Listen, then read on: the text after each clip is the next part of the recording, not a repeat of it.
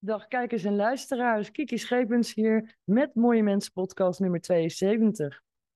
En ja, waar gaat deze podcast over? Nou, ik wil graag wat met jullie delen over de door mij bedachte Feach-methode. Dat klinkt misschien heel raar, maar dat komt zo wel. Allereerst wil ik iedereen heel hartelijk bedanken voor alle lieve, leuke, spontane, hartverwarmende reacties die ik heb gekregen op mijn optreden in Lang Leven de Liefde. Ik, uh, ja, ik krijg zoveel berichten dat ik er gewoon niet meer allemaal persoonlijk op in kan gaan. Dat is gewoon too much. Maar ik waardeer het wel. En straks aan het einde van deze podcast zal ik daar nog iets over vertellen. Ik kan er niet al te veel over vertellen, maar ik wil toch wel graag eventjes ergens op terugkomen. En dan over deze podcast. Ik ga wat meer vertellen over Feach. Dat doe ik zo meteen, maar voordat ik verder ga, abonneer je even op mijn podcast. Want dan ben je altijd als eerste op de hoogte wanneer er een nieuwe aflevering online komt. En laat aan het eind even weten wat je ervan vindt. We gaan even luisteren naar het standaard intro muziekje en dan ben ik zo bij je terug.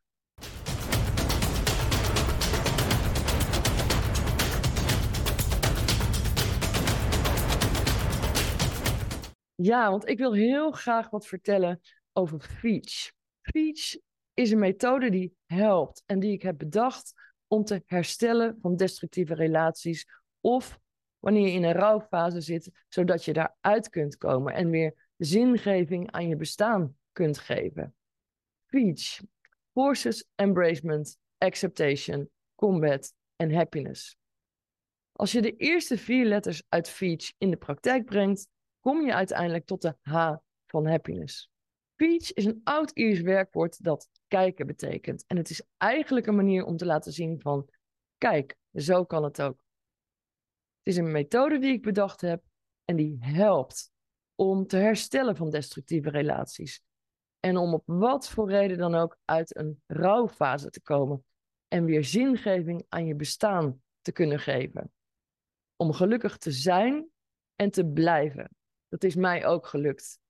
En daarom ben ik daarmee anderen gaan ondersteunen.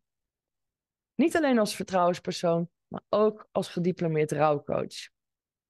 Ik heb een briefje gemaakt. Ik moet daar af en toe even op kijken, want soms is het in mijn hoofd zo ontzettend druk. Uh, wat doe ik nou eigenlijk precies met Feach? Kijk, elk mens is anders. En daarom begeleid ik mensen persoonlijk en in vertrouwen. En als je bij mij komt in de praktijk, ik ga je echt niet helemaal vertellen wat die Feach-methode nou precies inhoudt. Daarom vertel ik je liever via deze podcast hoe Feach voor mij inmiddels een way of life is geworden. Want Feach, mij is zoiets verschrikkelijks, bizars overkomen. Ja, ik had een relatie van bijna drie jaar met de man van wie ik dacht dat hij de man van mijn leven was. Totdat hij op de dag voor mijn verjaardag besloten heeft om zichzelf van het leven te beroven. Nou, ik was in shock. En ik wist eerst nog niet wat er precies gebeurd was. Dat hoorde ik pas later. Maar je kunt je voorstellen, wij zouden gaan samenwonen. Uh, alles zag er rooskleurig uit. En een aantal weken na zijn dood ben ik erachter gekomen dat hij op een gruwelijke manier slachtoffer is geworden van sextortion. Sextortion, dat is de meest vreselijke vorm van cybercrime, waarbij iemand afgeperst wordt door middel van seksueel getinte foto's, beelden, deepfake beelden. En tegenwoordig worden zelfs jongeren gedwongen om naaktbeelden af te staan. Nou, het zal je maar overkomen. Maar ik ben verder gaan onderzoeken. Want ik had al eerder mijn zusje verloren door de zelfverkozen dood. En ik weet uit ervaring, ik had me daar zo in verdiept. Iemand berooft zichzelf nooit zomaar van het leven. En toen ik daar eenmaal achter kwam, kwam ik erachter dat ik te maken heb gehad met een destructief persoon. En dat was voor mij nog eens een shock, een extra ja, trauma bovenop zijn dood, bovenop het gemis. En ik kan je wel vertellen, die eerste weken, maanden na zijn dood, ik kwam mijn bed uit omdat ik voor mijn zoon moest zorgen. De hond moest naar buiten, maar dat was het dan ook. Ik liep echt hele dagen te huilen. Ik was zo overstuur dat ik de koffiepads in de koelkast zette en ze dan nergens meer kon vinden. Of ik deed een was in de wasmachine. En ik kwam er dan drie dagen later achter van, oh, oh, er zit nog een was in. Of ik ging even gauw naar de supermarkt. Ik had maar een paar dingetjes nodig. Ik dacht, nou, ik hoef geen briefje te maken, ik onthoud het wel. En dan stond ik in de supermarkt, wist ik gewoon niet meer wat ik nodig had. Nou, en uiteindelijk ben ik dingen op gaan schrijven om voor mezelf in kaart te kunnen brengen wat er nou eigenlijk precies was gebeurd en wat mij is overkomen. En dat heeft mij enorm geholpen in mijn herstel. En toen ik er achteraf op terugdacht, dacht ik, ja, hoe heb ik dat nou eigenlijk gedaan? Want ik sprak er met niemand over. Ik wilde mijn zoon onder andere beschermen, want ik dacht van ja, als hij ooit moet horen wat er gebeurd is, moet hij het van mijzelf horen. En hij was toen pas elf. Kun je nagaan. Nou, uiteindelijk, toen ik dus heel dat overzicht had van wat ik allemaal op papier had gezet, kwam ik tot de conclusie dat het mij gelukt is om te herstellen en om mijn leven weer terug te krijgen met Feach. En daarom ga ik je daar graag wat meer over vertellen. Allereerst had ik krachten nodig. Ik dacht, wat zijn mijn krachten? Waar heb ik behoefte aan? Dat heb ik voor mezelf in kaart gebracht. Ik had allereerst behoefte aan rust. Rust, rust, rust. Ik heb heel veel gelezen. Ik ging op tijd naar mijn bed. Ik deed alles gewoon wat mij een klein beetje rust gaf. Maar ik keek ook naar wat ik leuk vond. Uh, muziek luisteren, het schrijven, uh, kroelen met mijn hond, knuffelen, wandelen, trainen. Mijn hond die was toen net, nou, net een jaar oud. En ik heb altijd met mijn honden getraind. Dat is gewoon een van mijn hobby's. Want ik, ja, ik hou van honden, van alle dieren. Maar dat gaf mij ja, energie. En dat had ik zo hard nodig. Want ook door die beweging in de natuur zorgde ervoor dat mijn serotoninegehalte in mijn hersenen weer aangevuld werd. Mijn gelukshormoon. Maar ik had niet alleen mijn innerlijke krachten nodig, maar ook de externe krachten. Breng mij tot de E van embracement. Want ik ondervond, ik kan het niet alleen. Dus ik heb uiteindelijk met een paar goede vrienden gedeeld wat mij was overkomen. En ze zeggen wel eens, delen is helen. En ja, dat hielp mij, want ik kon mijn verdriet kwijt. Ik kon mijn hart luchten. Maar ook, ik omarmde alles en iedereen die me dierbaar was. En dat betekent, ja, ik ging naar verjaardagen. Ik wilde zeggen, gewoon naar verjaardagen. Nou nee, dat was niet gewoon, want mijn hoofd stond helemaal niet naar verjaardagen. Maar ik deed het toch. En de ene keer dacht ik van, oeh, ik, jongens, ik wil weg, ik trek het niet. En de andere keer had ik me voorgenomen om maar een half uurtje te blijven. Bleef ik toch een uurtje, had ik het toch maar mooi gedaan. En mijn zoontje zei toen tegen mij, man, we gaan toch wel een kerstboom opzetten dit jaar? Nou, mijn hoofd stond absoluut niet naar het opzetten van een kerstboom. Maar normaal gesproken breng ik mijn hele huis in kerstsfeer. Vind ik leuk, vind ik gezellig. En ik zag dat gezichtje, ik dacht, oh nee, dat kan ik hem niet aandoen. Dat we geen kerstboom opzetten. Want ja, voor een kind, en zeker als je het als kind gewend bent, hè, dat mama altijd kerst heel gezellig maakt.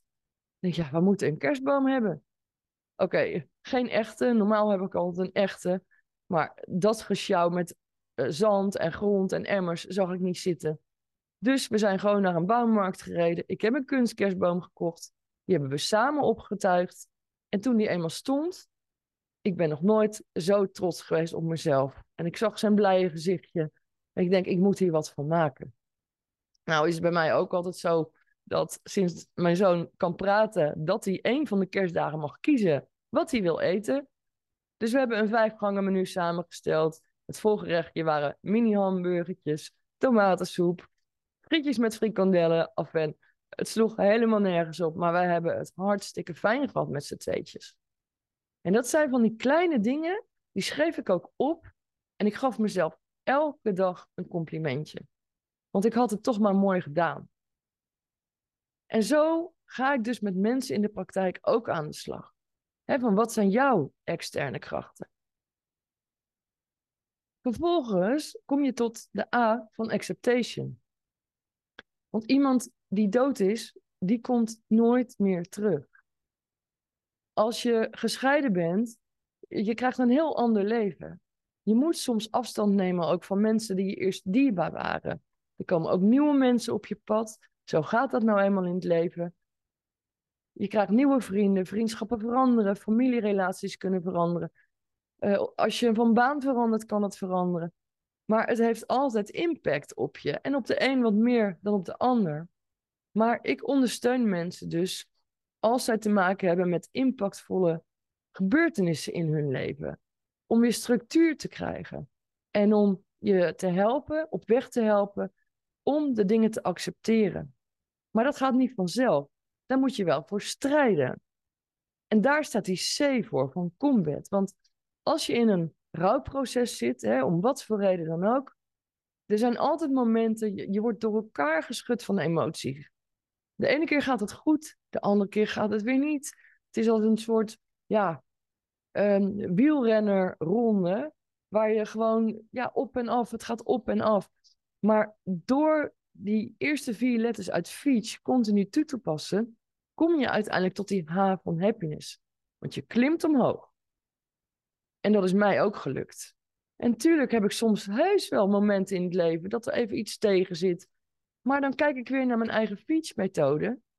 En dan denk ik, ja, je moet gewoon het positieve omarmen. En ook de mooie mensen die op je pad komen. En dat is dus wat ik in de praktijk doe. En dat heb ik ook aan Johan Flemmix verteld. de bekende Nederlander die ik pas na een aantal minuten herkende. Um, ik heb hem ook verteld, en dat, dat is ook uitgezonden, dat ik onder andere communicatieadviseur ben, uh, spreker, schrijver, auteur, vertrouwenspersoon en rouwcoach. Maar nog meer. En ik weet dat ze in een aflevering altijd knippen en plakken. En dat is ook oké. Dat is helemaal niet erg. Maar wat niemand weet, is het volgende. Want Johan droeg niet alleen een paar slippers. Hij had ook werkschoenen aan. En als vertrouwenspersoon ben ik het gewend om open vragen te stellen. Want ik wil de laatste zijn die oordeelt over anderen. Um, ja, waarom zou ik? Wie ben ik om dat te doen? Ik zeg altijd, er is er maar één die oordeelt. En natuurlijk, als mensen binnen zes seconden vellen we een oordeel over mensen. Dat gaat ongemerkt, zo werkt ons brein nou eenmaal. Maar de kunst is om te proberen om niet gelijk te oordelen. Dus Johan had werkschoenen aan. Mijn, een van mijn eerste vragen was: waarom draag je die schoenen? Want ik dacht bij mezelf: ja, misschien uh, mankeert hij wel iets aan zijn voeten. Waarop Johan vertelde: nou, ik heb al zoveel gebroken in mijn lijf. Ja, dat hoorde ik achteraf. Maar dus ook zijn voeten. En hij zei van ja, deze schoenen zitten me gewoon lekker. Ik heb hier geen pijn in. Nou, dat is toch alleen maar fijn? En dan ga ik nog even door. Want je kent ongetwijfeld, iedereen kent een kapper in zijn omgeving. Of een schoonheidsspecialist, of een mondhygiënist, of een pedicure. Waar kijkt een kapper als eerste naar? Nou, naar hoe iemands haar zit. Een schoonheidsspecialist zal kijken naar iemands huid of naar make-up. Een mondhygiëniste die zal kijken naar iemands tanden of iemands gebit verzorgd is. Een pedicure kijkt als eerste naar iemands voeten en schoenen. En wat ik Johan dus ook heb verteld, en ja, dat is niet uitgezonden, maar dat snap ik. Mensen, ik ben al meer dan 25 jaar gediplomeerd pedicure. En nou is Johan veelzijdig, maar ik dus ook. En dan snap ik ook wel dat het niet zo interessant is om dat uit te zenden misschien, dat iemand ook pedicure is. Maar ik heb gewoon nog een naast al mijn andere werk een kleinschalige pedicurepraktijk. En dan moet je weten, mijn overgrootvader had een schoenfabriek, mijn opa, mijn moeder was pedicure. En ja, ik ben uiteindelijk ook pedicure geworden. Dus ja, natuurlijk kijk ik naar voeten. Maar behalve dat, ik ben ook bijna 18 jaar lang officieel dealer geweest van een wereldberoemd Duits merk in slippers. Ik zal geen namen noemen, maar het begint met een B en het heeft een kurkenvoetbed. Kun je je voorstellen dat, want ik heb, ja, ik had een groot internetbedrijf, maar ik verkocht ze ook vanuit mijn zaak. Uh, mensen stonden op een gegeven moment ook tot tien uur s'avonds aan mijn deur om bij mij die slippers te kopen. En ja, die grootte van omvang, het was niet alleen bij mij in de buurt. Maar ik verkocht ze door heel Nederland, België, Europa. Kun je voorstellen dat als er een bekende van mij langskwam thuis en die liep op die slippers van het merk die Johan aan had, dat ik dan voor de gein zei van, zo, ja, wat heb jij nou aan je voeten? Kijk, kijk, tuurlijk, kijk eerst naar voeten. Ik zei, wat heb jij nou aan je voeten? Nou, die komen er niet in hoor, hey, uit die schoenen. Gewoon voor de gein. En zo is ook ja, dat grappige ontstaan. Tenminste, Johan en ik vonden het grappig in Lang Leven de Liefde. Dat ik die grap maakte over die slippers. Maar het is dus niet altijd alles. En dat kan ook niet. Hè? Als, als je 24 uur met iemand in een huis zit, snap ik ook wel dat ze geen 24 uur uit kunnen zenden. En dus van dat ene kleine stukje, ja, is gewoon zo'n stukje gemaakt. En gelukkig, wij konden er achteraf allebei hartelijk om lachen. En ik heb heus niet alle reacties gelezen op de social, want ja, ik heb meer te doen. Uh, ik ben vaker in de media geweest, want door het uitbrengen van mijn boek uh, ben ik ooit genomineerd geweest voor de Vrouw in de Media Awards. Dus ik ben wel wat gewend. Je leest niet meer alle reacties. Nee, daar heb ik ook geen tijd voor. En uh, ik vind het, ja, iedereen heeft zijn eigen mening. En dan zie je ook wel dat mensen heel vaak aannames doen. Maar, en dit wil ik eigenlijk zeggen, het laatste wat ik zal doen, is oordelen over wat iemand draagt of wat iemand aan zijn voeten heeft. Want je weet het niet en iedereen moet gewoon lekker dragen wat hij zelf wil. En ik zal de laatste zijn die iemand wil veranderen. Want het gaat mij om iemands hart. En dat is ook een van de redenen dat ik deze podcast maak. Gewoon, soms deel ik heel veel van mijn kennis met andere mensen om ze te inspireren, om ze tips te geven. Maar ik ga ook soms in gesprek met mensen waarvan ik vind dat het hart op de goede plaats zit en die daadwerkelijk iets bijdragen aan de maatschappij. Want er is al zoveel polarisatie. En we moeten het samen doen, hoe dan ook. En het maakt mij echt niet uit wie je bent of wat voor kleding je draagt. Het gaat er mij om dat je een goed mens bent, een mooi mens. Ik hoop dat je wat gehad hebt aan deze podcast. Als je wat meer wilt weten over mijn Feach-methode, kijk dan gewoon eventjes op Feach. Dat is F-E-A-C-H.nl. Uh, eh, mooiemensenpodcast.nl. Wil je meer weten over mijn boek, over wat ik heb meegemaakt? Ik zeg al, het is een grotendeels waar gebeurd verhaal. Maar dat is te bestellen via sextortionboek.nl. Dan heb ik nog een website, kikischepers.nl, waarop ik heel veel blog. Mijn Instagram-accounts, Feach underscore NL en Mooie Mensen podcast. Oh ja, en ik zit ook nog op Twitter, maar dat doe ik vooral voor de fun. En trouwens, als je me volgt op Twitter, je zult ook zien als je mijn post leest, dat ik nooit mensen die in het programma zijn op de persoon afreken. Ik maak wel eens grappen, ik zit wel eens te dollen. Ja, tuurlijk, dat doen we allemaal. En in mijn podcast vraag ik ook altijd aan mensen: wat is nou jouw definitie van een mooi mens? Mijn definitie van een mooi mens is iemand die zichzelf is en van wie het hart op de goede plaats zit. En ik kan je één ding verzekeren: dat is Johan Flemmix zeker. Een andere vraag die ik altijd stel in mijn podcast is: Heb je nog een boodschap voor mijn kijkers of luisteraars? Ja, die heb ik. Ben mild, wees een beetje lief voor elkaar en abonneer je op mijn podcast. Tot de volgende keer. Dankjewel voor het kijken of luisteren. Bye bye.